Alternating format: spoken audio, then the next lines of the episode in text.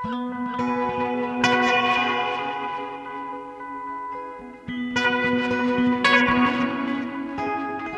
og sæl hlustendu góðir. Í viðsjá dagsins kennum við okkur tímaritið Döns, heyrum í Sigrunu Pálsdóttur, Riðtöfundi og fáum dóm um nýtt íslenskt leikverk.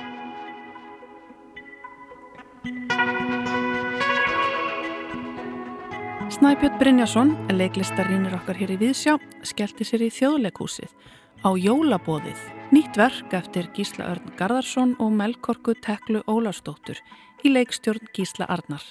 Fáum að heyra af jólabóðinu hér á eftir. Og við heyrum í sakfræðingnum og rítöfundunum Sigrunu Pálsdóttur hér á eftir. Sigrun hlaut á dögunum bókmentavelun Evropasambandsins 2021 fyrir bókina Delluferðin sem kom út fyrir tveimur árum.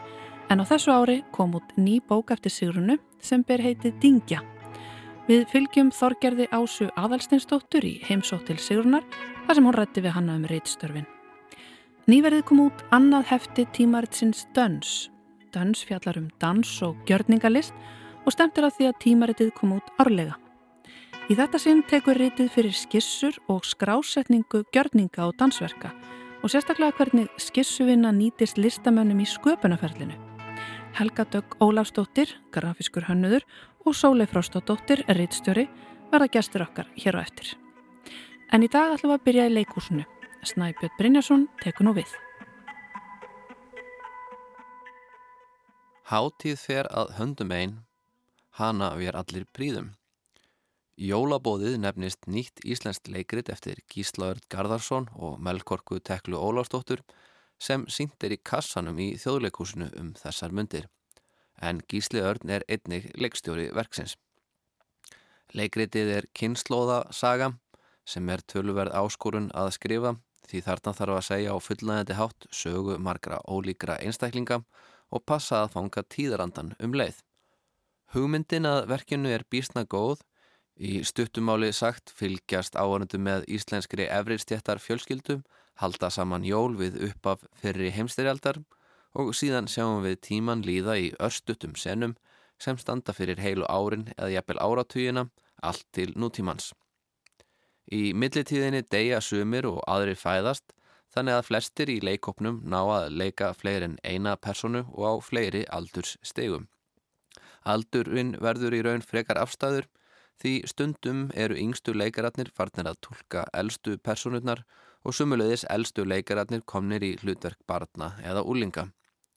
Úr þessu leysir gísli örn á nokkuð sniðuan hátt, sér í lagi eru andláts senurnar vel leistar en fæðingarnar verða eilitið floknari. Miðpunturinn í þessu öllu saman er svo jólahaldið en allar senurnar gerast á jólunum.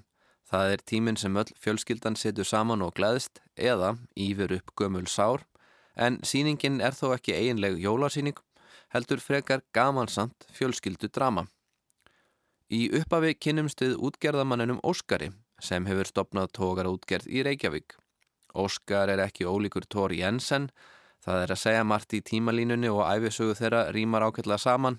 Tór Jensen kom til Íslands á úlingsaldri egnalaus en tókst að efnast með kaupmennsku og stopnaði loks útgerðarfélag árið 1912.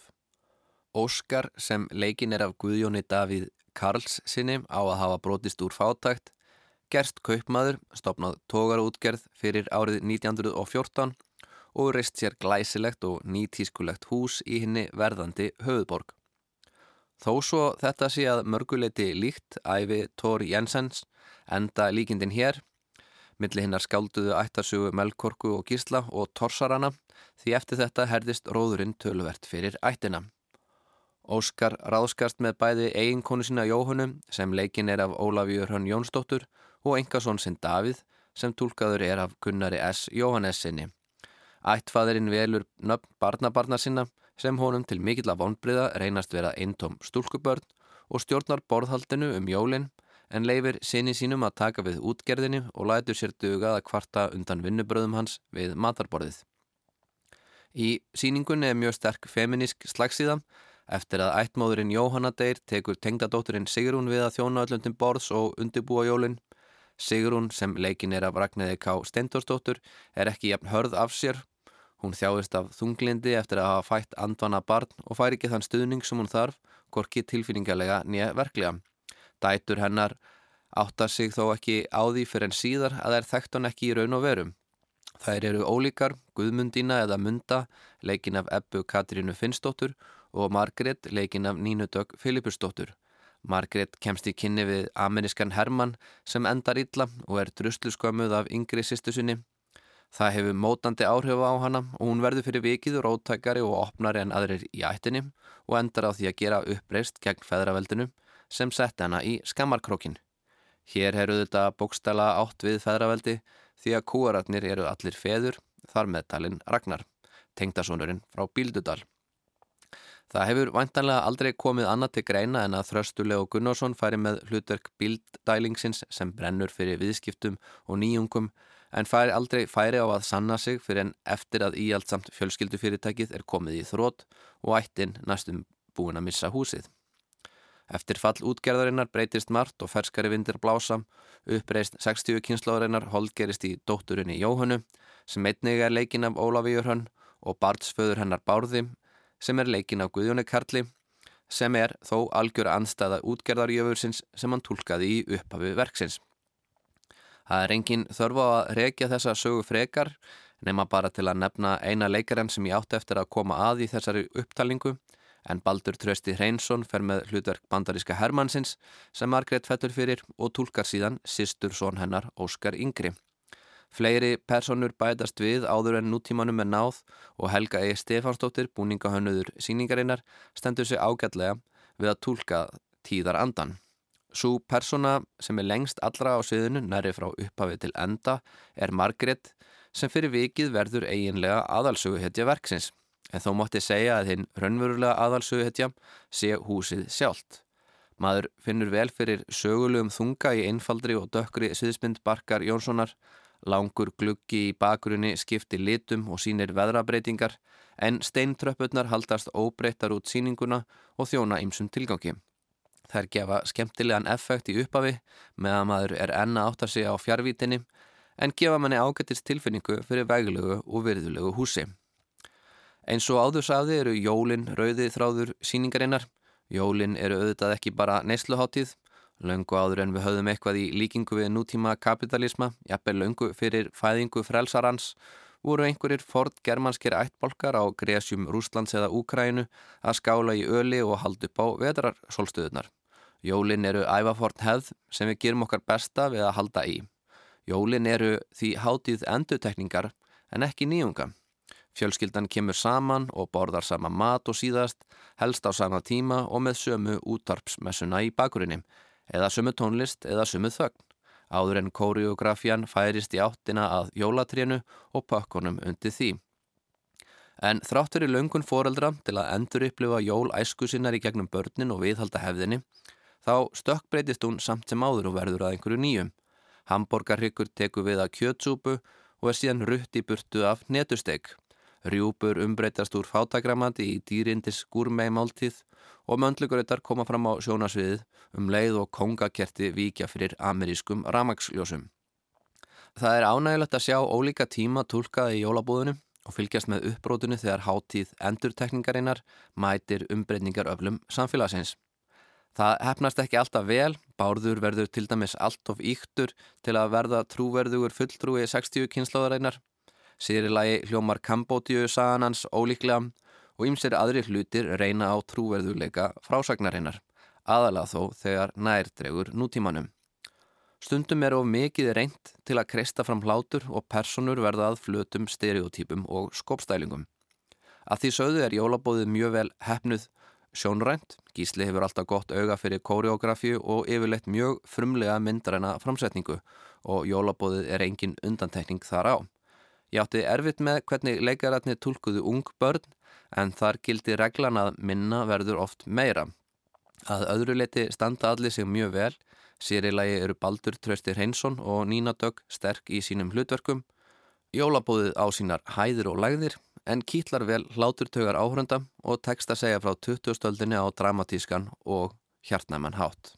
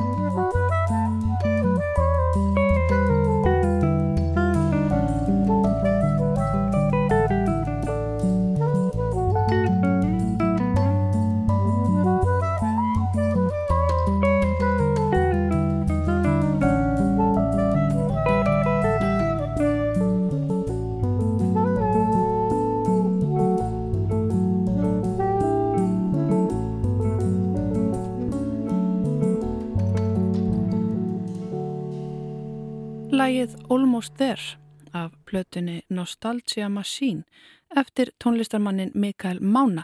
En hann var í dag á degi íslenskrar tónlistar tilnæmdur til Krömsverluna fyrir þessa plötu. Krömsverlununum er ætlað að kynna og styðja við plötuútgáfu íslenskra listamanna og verlunun er ekki bara bundin við ákveðana tónlistarstefnu og þeim fylgja engir undirflokkar. Mikael Máni er einn af 21 tónlistamönnum og hljómsveitum sem tilnæmd er í ár og við óskum honum og öllum öðrum tilnæmdum innlega til hamingju með það. En nú bregðum við okkur í Mánatúnið, þangað sem Þorgerður Ása heimsótti Sigrunu Pálsdóttur, Rittvönd. Sæl og blessið og takk fyrir að taka á móti mér, Sigrun Pálsdóttir, Rittvöndur. Takk fyrir komin að yngað. Og til hamingju með verðlunin sem þú fegst nýlega Evrópu. UPL, European Prize for Literature Já, ég, já, ég veit ekki hvað þetta er ekki búið íslenska, þetta er bara hérna, já, Evrópavelun í bókmyndum, þetta, þetta ljómar mjög svona kannski eins og Eurovision eða eitthvað. mm. Og þú fjast þessi verðlun fyrir Delluferðina sem kom út fyrir tveimur árum. Já, hún kom út 2019. Akkurat, og nú ertu með nýja bók já. sem heitir Dingja. Og ég er búin að lesa þér, báðar, mjög skemmtilegar. Það var litið svona svipaður stíl þó að þetta gerist á allt öðrum tíma. Hérna, og kannski segir í stuttumáli frá hérna, sögursviði Dingju. Já, hún fjallar sem sagt uh, hún svona hún gerist á sjönda áratugnum á Íslandi. Og um, hún segir frá flugmanni, íslenskum flugmanni sem gerist flugfrega árið 1971 og það er náttúrulega sjálfsögðu kona. Og, um, en, en það er svona já, það, það er svona söguð þráðurinn en, en einlegt umfjöldunar efni er svona svolítið þessi tími. Af því ég hef svo mikið áhuga á fortíðinni og sögulegum heimildum. Og þannig að, að þetta tímabil er ekki bara sögu svið heldur eiginlegt umfjöldunar efni ekki, ekki í sakfræðilegu tiliti heldur í skilningi skaldskaparins vegna sem ég finn svo mikinn innblástur í sögulegum heimildum ekki bara efni við, heldur líka tungumálunu og tjáningunni.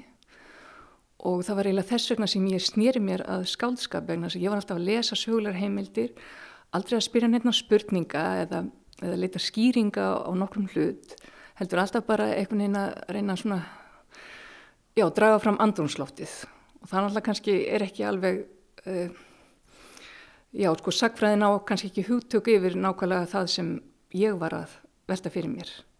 Þannig að þess vegna held ég að ég hafi, hafi snúið baki við sagfræðin og farið í, í hérna, á farðarskapskap. Akkurat, nú vil maður kannski ekki ljóstra of miklu upp um sögutráðin, en þetta er, já, þetta er kannski að vissuleiti svona feminísk bók af hérna kvenkins persóna sem verður fyrir mótlæti en hún er kannski svona andhetja að einhverju leiti.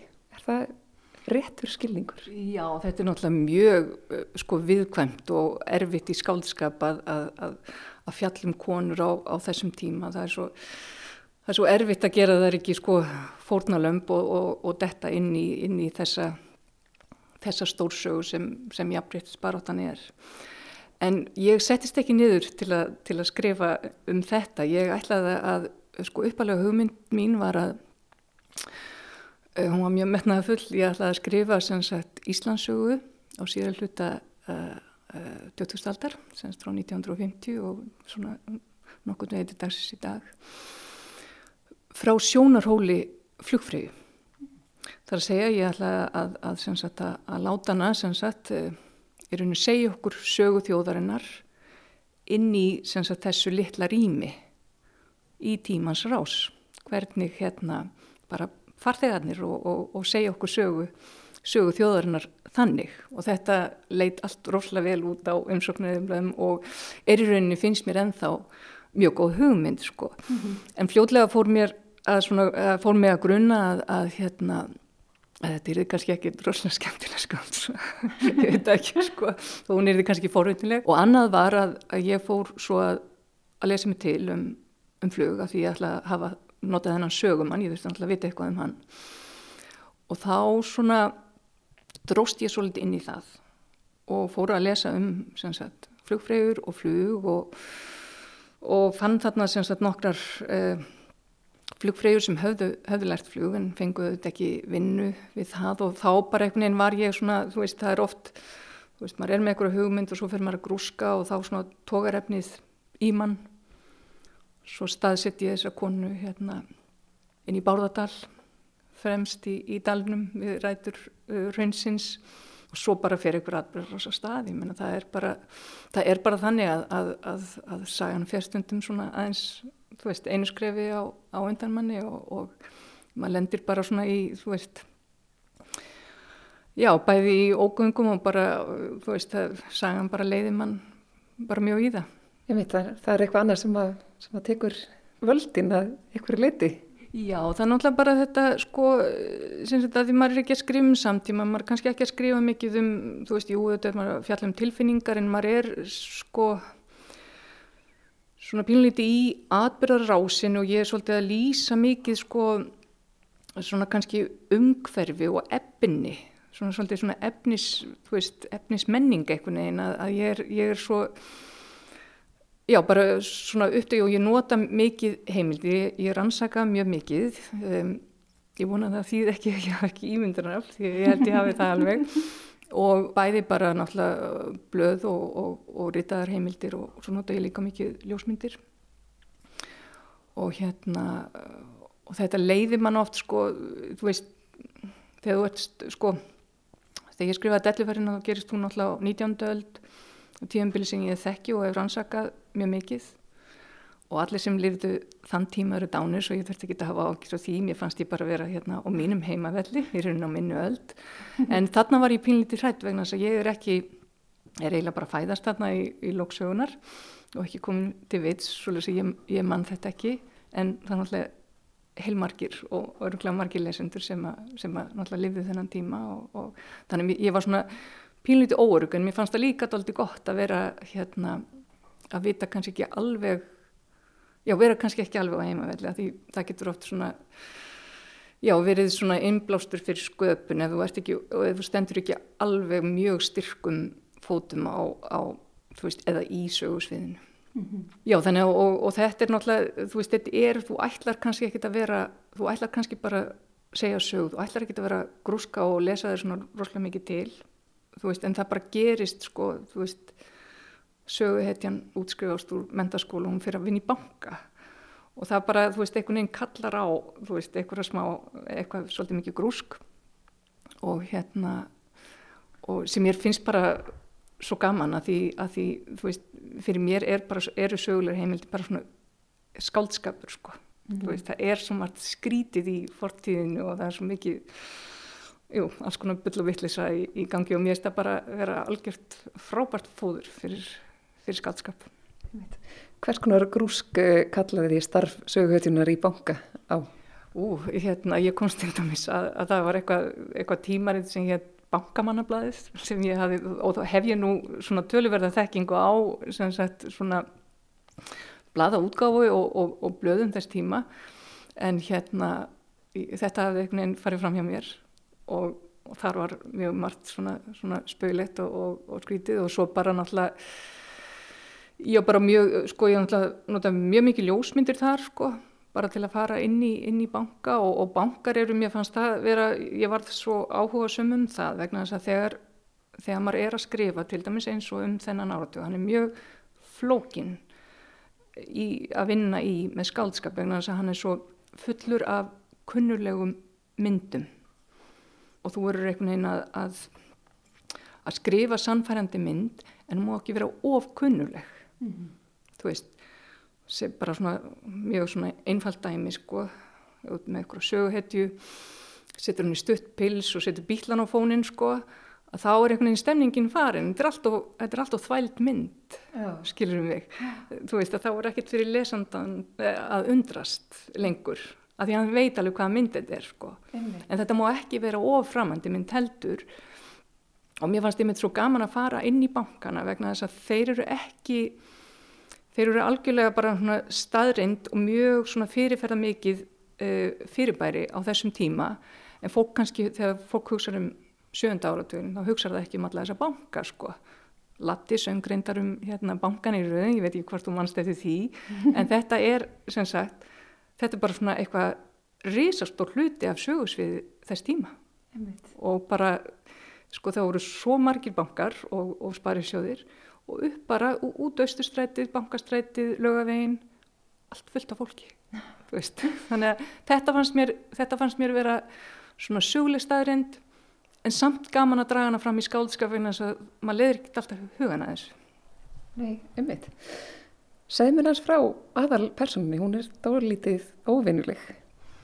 Já og, og nei, ég veit ekki, sko, hún hérna, ég er náttúrulega svona, maður veit ekki, sko, þegar persónum verða til, sko, þetta er, þetta er sko, þú getur dundaði við að, að búa til plott og, og, og smíða sögusvið, en mér erst einhvern veginn að persónusköpun sé að það erfiðasta sem, sem reytuhundar taka sér fyrir hendur vegna þess að það er kannski ekki hægt að vera að dunda sér við að búa til persónu og vera að ditta aðan og lagana til til hún verði samfærandi.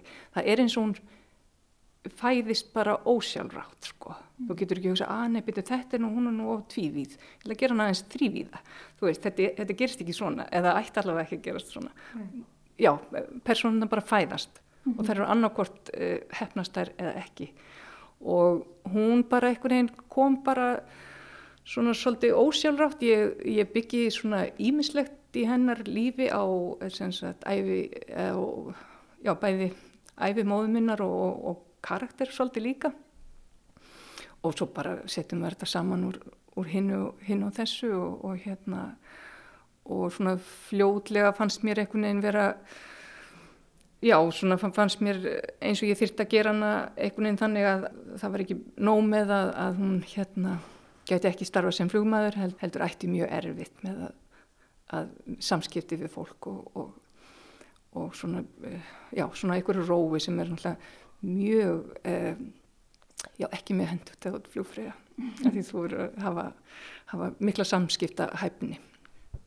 Emit, já, gaman þú skulle nefna þetta með rófið af því að það er akkurat það sem ég hugsaði sem lesandi að hérna, þetta væri manneskja sem að veri á einhver já, kannski, kannski einhverju rófi sem að er ótrúlega áhvert í þessu samhengi á þeim tíma þar sem að voru ekki komnar neinar já, eiginlega engar svona greiningar nei, nei. Það, þetta bara, þú veist, endar allt í, í hérna, og ég skrifa nú svo sem ekki um sko, ég, ég end, sko bókin fjallar eiginlega um sko aðdraðand og upp að þess að hún gerist flugfræða. Mm -hmm. Þannig ég skrifa ekki um öll þau vandraði sem hún lendir í, ekki nema svona bara í örstöftum milliköplum sko. Ég laði nú ekki alveg í að fara að skrifa þessa 30 ára sögu sko, enda, enda stóð það ekki til, þetta, þetta átt að fjalla um þennan áratug og þessa leið hennar að þessu takmarki sem síðan mistegst og, og endar svona eh, miður skemmtilega fyrir hana.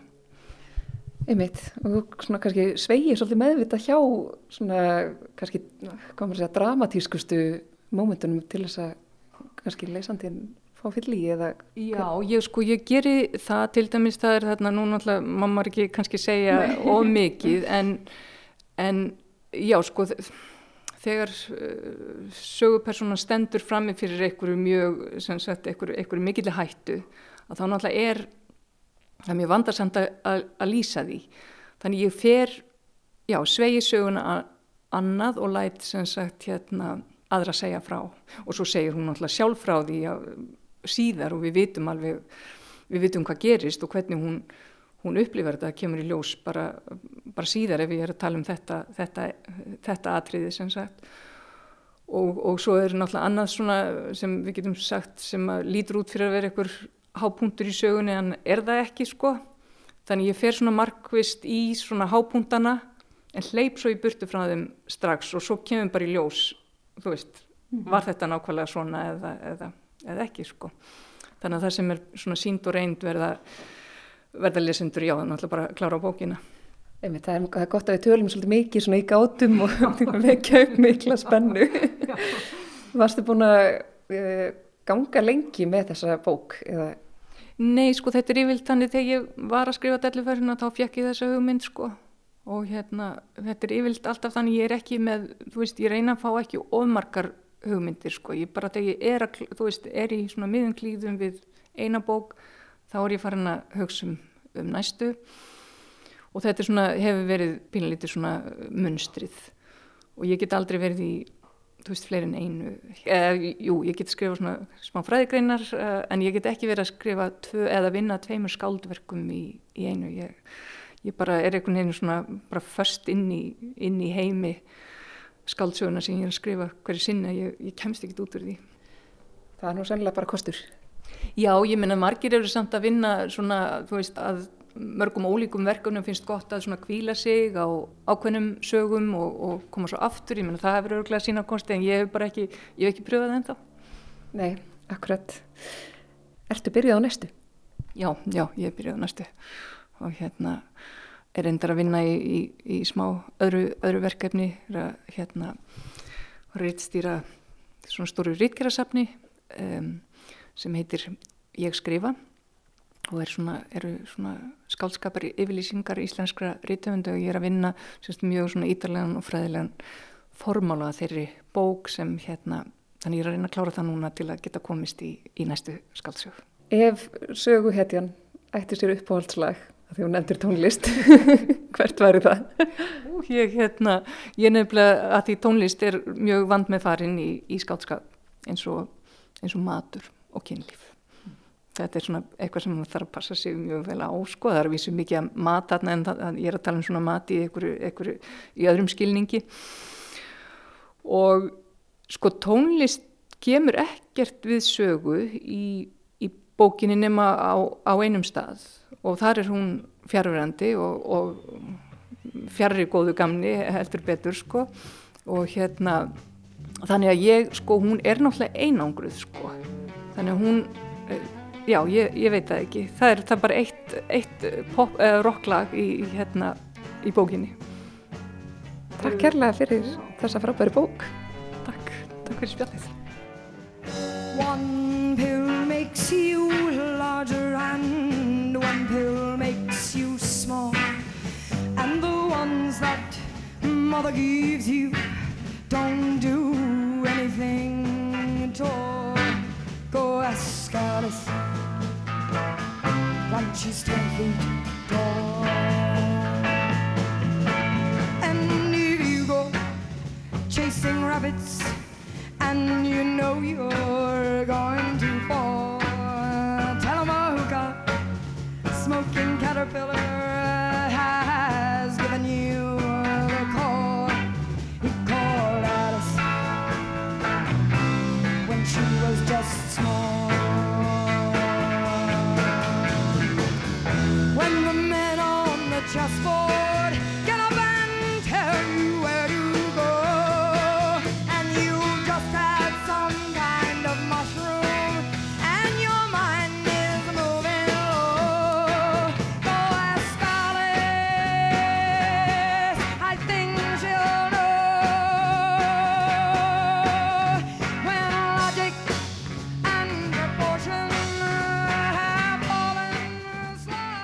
Lægið White Rabbit með bandarísku rocksveitinni Jefferson Airplane Það sjálfsögðu ekki íslenskt lag þó að í dag sé dagur íslenskara tónlistar en það var auðvitað bókin Dingja sem að valdi þetta lag og við bara hlýðum henni.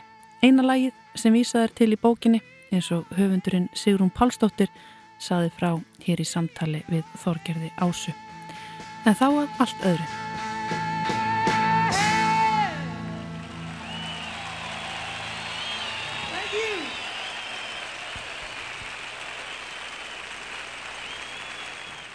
Fyrir skemstu kom út nýtt tímaritt sem að kallast Döns. Döns fjallar um dans og gjörningalist og kemur út í annað sinn en stemt er að því að tímarittið komi út árlega.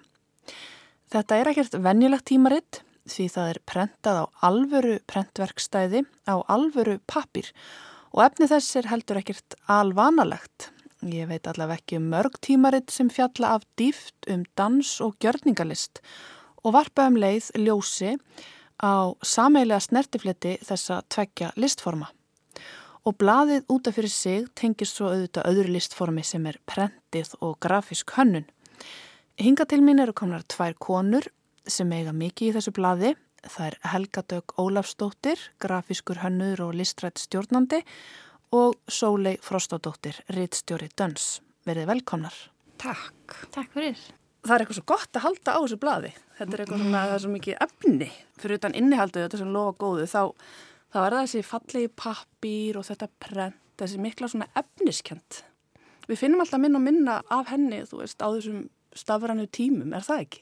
Jú, ég myndi segja það. Uh, maður þarf alveg að vera svolítið prentnölli til að Já. vilja gera svona verk, sko. Var það eitt af því sem að svona, sem að kveikti ykkur að fara að stopna tímaritt? Sko, Sóli var náttúrulega uppalega með þessa hugmynd.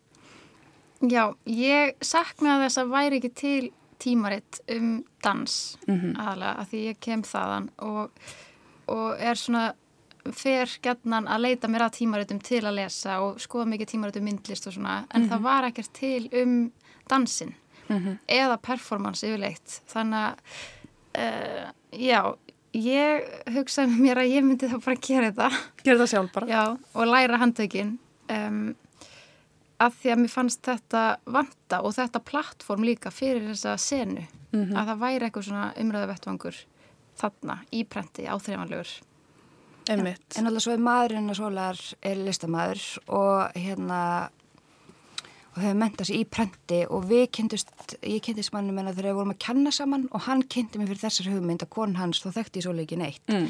var að gera, alltaf að gera tímaritt og þá er ég bara, nú er ég komist í feitt af því að hann er, þú veist, svo mikill prentsnilli og fá að læra svona mikið af einhverjum prentsnilla og ég er bara svo mikið bókanölli þannig að þetta var alveg mjög ávert fyrir mér að komast í þetta sko. Fyrst að vera að nefna það kannski rétt að taka það fram að hérna, uh, þetta er Sigur Alli Sigursson, er það ekki, sem að ásamt Leif Ími Eyjálsinni er með prent og vinni. Já. Kannski segjum mér aðeins frá þessu sam samtalið þannig ykkur á milli og hvernig vinnið þetta blað?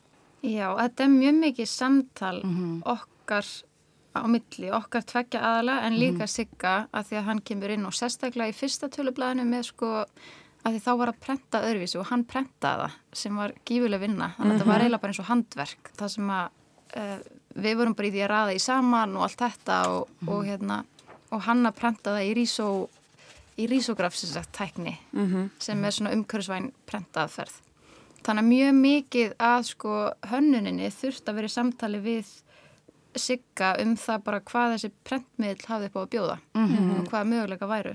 Já, og líka bara, þú veist, ekki að lasta aðra kuna sem ég er með, en það bara, það er svo allt öðru að vinna með fólki sem líka listrænt og þá er þetta mitt, ég mani mitt þegar fyrsta blæði kom út og þá er að vera að hrósa mér fyrir þessa vinnu og ég eitthvað, þessi vinna er samt svo mikið samtal að því við vorum endalast að skjóta hugmyndum og ég hefði ekki komist að þessari niðurstöðu nema að vera í konstant samtali, að því að mín þekking nær bara ákveði lánt og þau kom inn með, þú veist, svo ótrúlega mikið fyrir mig til að læra af, skilur við. Kannski gaman að geta þess að þú færst einmitt verðlaun uh, félags íslenska teiknara fyrir, fyrir síðasta, fyrir fyrsta tímariti sem kom út í fyrra. Já, það var rosa skemmtilegt og það er alltaf gaman að fá hrós fyrir það sem að geris. En hafið þið sjálfar alltaf verið áhuga mannskjur um útgáfu og tímarit eða hvað verður til þess að dansari, Sólei? Þú segir mér að þú að því að vanta efni til að lesa um dans en að ráðast samt í það sjálfa, stopna þetta blað.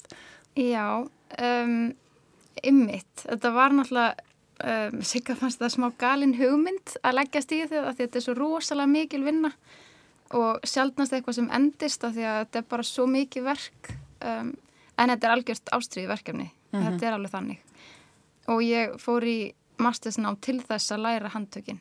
Þannig að já, mentaði mig bara sem rýðstjóri sem að ég held að fari bara mjög vel saman við það að vera dansöfundur það er svo margt þarna sem að já, virka saman og svo hafa þessi, þetta líka leitt í önnur spennandi verkefni svona sem að tengja svolítið bara sér svona list rýðstjórn, ég veit ekki hvort maður geti kallað það en svona rýðstjórn á sviði lista og svonir Einmitt, það er einmitt það skemmtilega að gefa út blöð. Ég meina það er þetta ótrúlega hefð fyrir þessu að listamenn takir sér saman og gefa út blöð. Við horfum hérna upp af 20. aldar þar sem að listahópar eh, rituðu manifesto og stopnuðu blöð sem að svo urðaði ykkur öðru og ykkur öðru og þú veist, þetta er, þetta verður alltaf kveikt í skapandi fólki að stopna tímaritt. Já, en náttúrulega svo, svo ótrúlega lítill hérna uh, markaður fyrir þetta Íslandi. Það er bara prent á Íslandi er mjög erfiður markaður. Það er bara lítið í bóði og þú veist, þetta er algjört brask og brall sko að standa í þessu.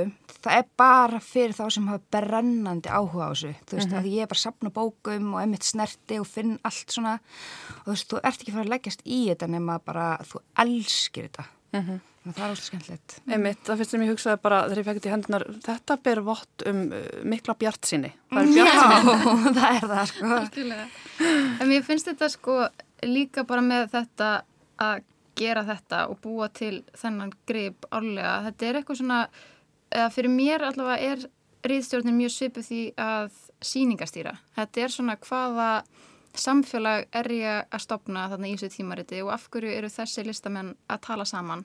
Og hvernig þarf breyttin og dýftin að vera og, og bara fjölbreytnin innan þess. Þannig að mér finnst það mjög spennandi og fyrir mér er það rosa mikið mjög kreatíft að vinna með þetta. Og bara kynnast öllu þessu fólki og allir til í þetta og þetta er rosa gaman sko að geta gert þetta En einmitt þessi fókus, uh, dans, þú ákveður að vika aðeins út og taka gjörningalistana líka. Akkur er þetta tvent saman? Um, mér hefur þótt þetta bara mikið tala saman, þú veist, þetta er eitthvað bara til dæmis á postmodern tímanum í, þú veist, Judson dansþýttur og allt þetta, þetta var mjög samofið og ég held að núna sé þetta einhvern veginn bara áfram þar og mikið hérna líka, mér finnst þetta alveg tala saman en stundum eins og það sé smá sikkur senan í gangi eða maður setur á sig að þetta er myndlistasýning þannig að þú horfir á gjörningin öðruvísi en þú gæti gert samanverkið í dansamengi og þá er hort á það aðeins öðruvísi en mér finnst það bara svona þetta gæti alveg verið svona eða það allavega opnar á eitthvað að geta haft þetta á sama fleti þannig að þessar listgreina séu meira í beinu samtali og kannski svona að inspirera, já, hvort annað sko svona. Algjörlega. Og mér finnst líka bara, þú veist, að því fyrst var ég bara eitthvað, úf, þetta efni mun ekkit höfða til mína því að dansheimurinn er ótrúlega svona lokar heimur, að þetta er ótrúlega mikið, þú veist, þú verður að hafa brenda áhuga til þess að finnst mér allavega hjælt í fyrst, en svo las ég alla greinarnar og mér, ég hafi rosan áhuga að því að mér finnst líka bara svo mannlegar greinar. Þú veist, það er sömu gjörningar hana eða dans, ég veit ekki alltaf hvort það er, sem ég bara vá, ég finn mig bara svona, þú veist, ég finn bara það svona samannlega einhvern veginn í þessu, eins og með þarna uh, greinina um að byggja í kirkjunni, þú veist, það bara vá, ég, veist, Sem var í fyrsta tímaritinu. Já. Og svo það, ég bara tengdi ótrúlega mikið við og ég hugsaði bara, ég er oft svo, svo fór ég mjög mikið hugsa sko, að ég dansa mjög mikið heima á mér og gera jóka á mótnana, ekki jóka heldur bara að reyfi mig, en ég bara, er ég núna að dansa? Eða, veist, eða gjörninga eitthvað, þú veist, ég fór ótrúlega mikið að hugsa eftir þetta. Það er þetta líka bara gjörningur og einhvers konar ritual að Já. byrja daginn á þessu. Já, það er það. Og ég meina það er bara sama og þetta, þau eru að setja á svið fyrir einhvern annan til að skilja en samt einhvern veginn sett á svið í tímaritinu já, mér finnst þetta mjög skemmtilegt að setja mig inn í hennar heim sko. Já, mér finnst þetta bara að vera eitthvað svona sem er mikið að gerast núna í svona þessari tilrauna senu í dansinum sérstaklega og þetta, er, þetta er einhvern veginn alltaf nálgast og líka færast meira bara inn í borgina og það er eitthvað til dæmis sem að Reykjavík Dansfestival er svo mikið, við sjáum það svolítið þar, hver, hver fókusin er. Já. Engarýmið líka. Já, og bara heima í fólki, út á götu, þetta er ekki lengur bundi við endilega bara sviðið. Þannig að þetta er eitthvað neginn að maður getur svolítið stilt sig inn á þessa bylgju bara en hvað, það er svo margt performatíft og svona í bara kringum okkur og mikið dans í öllu. Já, við erum öll með rithma, mér finnst það svo Já. fallegt af því að það er það sem að saminar okkur að við erum öll aðna, skiljur þó er sem ekki öll að performera það og mér finnst það svo samanlegt að við erum öll einhvern veginn í rithma að reyna að tjá okkur einhvern veginn og þetta er ótrúlega fallið tjáning Og einmitt fallast þú segir að þér að kannski ég uppáð þótt að fráhrindandi og einhvers konar lokaður hópur sem að fjallaði um gjörninga og dans. En eins og þú segir, ég hef verið að fletta gegnum þessa greinar hérna og mikið af viðtölum þar sem að auðvitað er uh, listformið útgangspunkturinn en það er alltaf farið inn á okkur að dýft sem allir geta tengt við sama hvert áhersviðið er, myndi ég segja. Sem Já, síðan í, í grunninn er nálgun svo að þetta snýst um sköpunarferlið Akkurat. og það er eitthvað sem að ég held að allir geta einhvern veginn bara sett sér inn í og nýtt sér í sínu sínu skapandi ferli, það er allt sem getur verið skapandi. Og aðra listgreina líka, þó að sé ekki þessar þá er þetta yfirleitt eitthvað svona ferli sem að fólk bara er að fara í gegnum. Og það er svo spennandi að sjá hvernig það er mismunandi hjá listamönnum mm, sammála því. Akkurat, þetta er mitt hérna mm, óvendur og skemmtilegur fókus í þessu blaði sem er á skissur uh, og skrásetninga, gjörninga og dansverka. Og það, það er aldeilis svona snertiflutur þannig á milli. Já, Nefnilega, ég held að allir listamenn skissi og einhvern veginn króti niður drög að verkinu sem það er að reyna að færa úr uh, huganum og koma því í fast form eitthvað og mér er svolítið gaman að draga þetta fram sko líka í dansinum af því það er kannski hefðin og nálgunum svolítið öðruvísi og misjöfn, það er ekkert allir sem teikna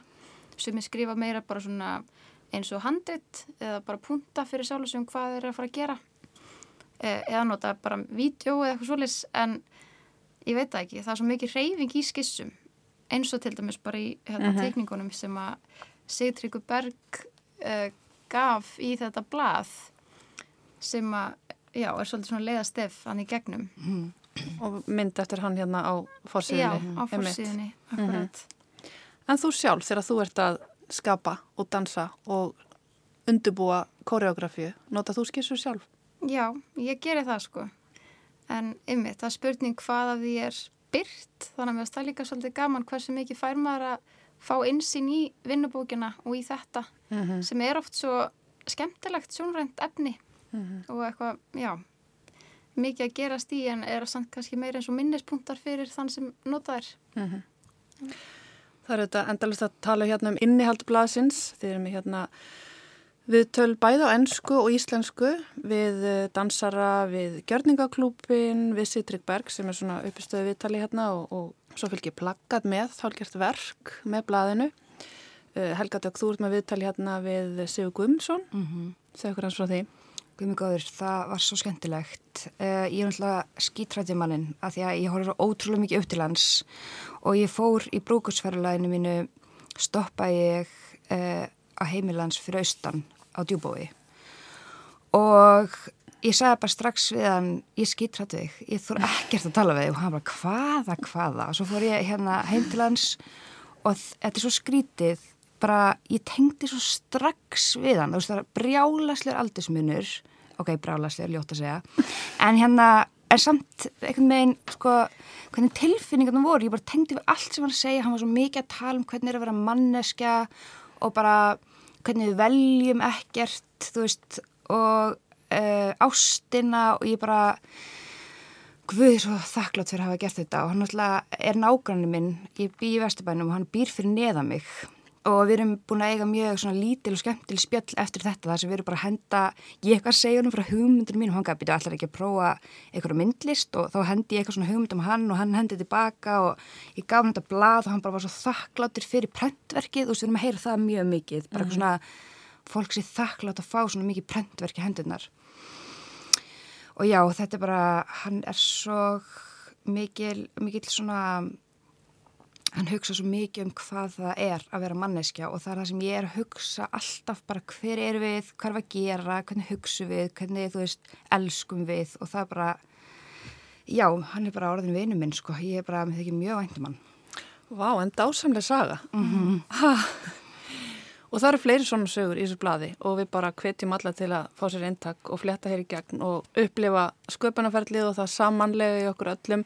Hvað haldið þið, Sólei og Helgadag, haldið þið að, ég hugsa stundum um þessi tímaritt, ég er eins og þið, algjör ástriðu kona um svona sérhæf tímaritt mm -hmm. sem er voru eiginlega degja út. En er þetta alltaf að koma aftur? Er þetta ekki alltaf eins og með hljómblötuna? Hvað haldið þið? Jú, sko Jú, fólk er rosalega ánætt að fá þetta í hendurnar og það er, þú veist, þegar það sér þetta þá bara já, þetta vantar en það er samt, það væri samt betra kannski, þú veist, það er mjög erfitt, þetta er mjög erfitt í fæðingu að það eru margir hlutir, þú veist, prenti er mjög, hérna, þú veist, þetta er lítið pappir í Íslandi, það, veist, þetta er svolítið erfitt bara allt umhverju kringum þetta. Þannig að ég vona svo innilega að það sé fleiri eins og við sem elska að fá bara fallangrip í hendurnar og lesa það sé ekki mm -hmm. allt bara gert í hraða og bara fá setja svolítið með mhm. sjálfuð sér og lesa þetta að ég vil líka bara benda á það bara þú veist, það mun flestir tengja eitthvað við greinarnar þó að þú veist, ég held að líka fólk sé hrætt við dans og koreografi eins og það er ekki mjög svona opi svið en bara allir munu tengja við þessar greinar ég geti lofa því sko hvað séð þú svo leið? Já, ég, ég held að tímarétti verða að vera eitthvað sem lifa áfram sko. Ég er mhm. alltaf bara, mér finnst þetta að vera svo mikil þörf á og algjör synd ef allt fyrir ná netið. Man nær bara einhvern veginn ekki sama eða ekki ég, ég er Nei. alveg límtu pappirinn sko. Já, prenti verður að lifa, sko. Það er Já. bara, ég veit ekki ég bara, það verður að fá að lifa prentið, sko. það er bara eitthvað sem, það jafnast ekkert á við að, að einhvern veginn detta alveg inn í svona lestur Mhm, og það er ekkert annað sem trublar mhm. þannig að ég held það Já, ég vona það og ég er sammála ykkur. Takk innilega fyrir að koma Sólei Fróstadóttir, Ritstjóri Dans og Helga Dögg Ólafsdóttir, grafiskur hönnur og listræti stjórnandi blaðsins. Takk innilega fyrir að koma og til hamingju með annað eintak af dans. Takk Fyrir. fyrir. Takk fyrir okkur